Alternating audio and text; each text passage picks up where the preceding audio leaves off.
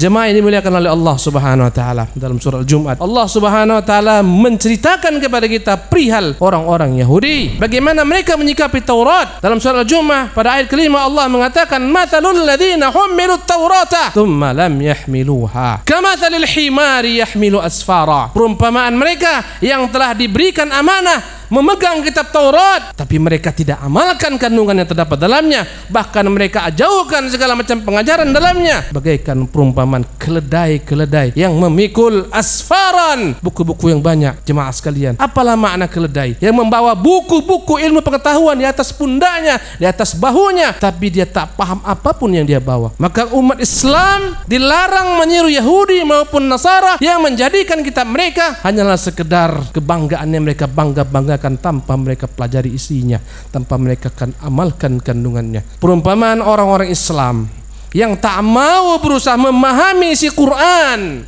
mengamalkan kandungannya, menebarkan dakwah yang diambil daripadanya sama dengan keledai-keledai dan tidak ada makhluk yang lebih hina daripada keledai dari sisi kebodohan. Karena itulah Allah Subhanahu wa taala melarang orang-orang mukmin meniru Yahudi dan Nasara. Sebagaimana sebagian orang-orang Islam yang mengatakan kami ada di surga, surga di tangan kami, kami pasti akan masuk surga, kami tak akan mungkin kekal di neraka. Subhanallah. Alangkah jauhnya antara mereka dan dakwaan mereka. Mereka mengatakan kita lah umat terbaik karena Allah mengatakan kuntum khairu ummah, kalian sebaik-baik umat. Mereka mengatakan kita lah umat terpilih, umat Muhammad sallallahu alaihi wasallam, tapi hanyalah sekedar berbangga-bangga. Kita ahli surga. Nabi kita menyamin semua masuk surga bagi orang bagi orang-orang yang beriman. Tapi mereka hanyalah berangan-angan tanpa beramal. Jemaah ini dimuliakan oleh Allah Subhanahu wa taala. Ini yang disebut dengan amani dan inilah cara beragama Yahudi dan cara beragama orang-orang Nasara. Marilah kita melihat bagaimana realita kaum muslimin. Apa yang mereka lakukan terhadap kita mereka Al-Qur'anul Karim. Allahu Akbar. Ternyata tak jauh beda dengan Yahudi dan Nasara. Sebagian daripada kaum muslimin hanya menegakkan Quran huruf-hurufnya tanpa memahami maknanya, tanpa mengilmui apa yang terdapat dalamnya. Subhanallah. Nabi kita yang mulia SAW menceritakan kepada kita akan datang satu generasi yaqra'unal Qur'ana la yujawizu taraqiyahum. Mereka membaca Quran tapi tak lewat dari kerongkongan mereka. Kata para ulama, makna tak lewat kerongkongan mereka hanya sekedar di lisan, hanya sekedar di mulut dibaca tapi tak paham apa yang mereka baca. Tak mereka ilmui apa yang terdapat dalamnya. Kalaupun sebagian mereka tahu kandungannya tidak mereka amalkan, tidak mereka dakwakan. Allahu Akbar. Maka inilah cara beragama orang Yahudi dan Nasara yang ditiru segelintir kaum muslimin. Quran hanya di sekedar dihiasi bacaannya. Subhanallah. Para qurra tersebar di mana-mana. Lagu-lagu yang indah, musabakah setiap saat dilakukan, tapi tak pernah merubah status kaum muslimin dari keterhinaan menjadi umat yang terpinggir,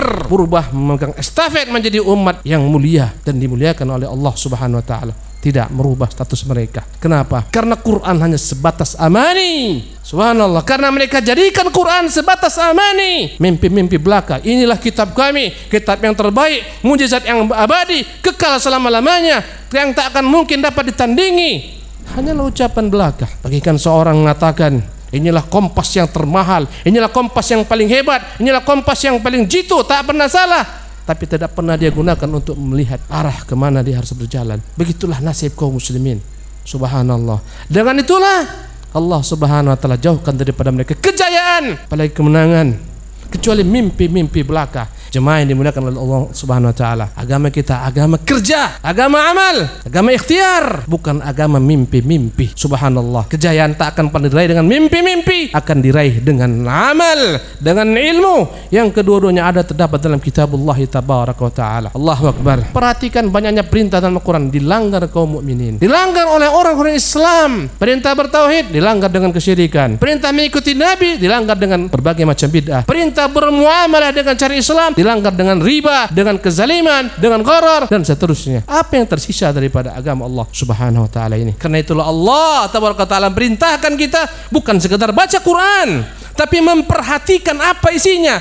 Allah mengatakan, Afala yatadabbaruna al-Quran? Mengapa mereka tidak pernah berupaya Memahami apa itu isi Al-Quran Karim Tiap hari sibuk dengan harga naik Harga turun, sembako naik, sembako turun. Kapan waktunya membaca kitab Allah Ta'ala? Kapan waktunya berusaha memahami kitab Allah Ta'ala? Padahal di sanalah rahasia kemenangan kaum muslimin Atau kehancuran mereka.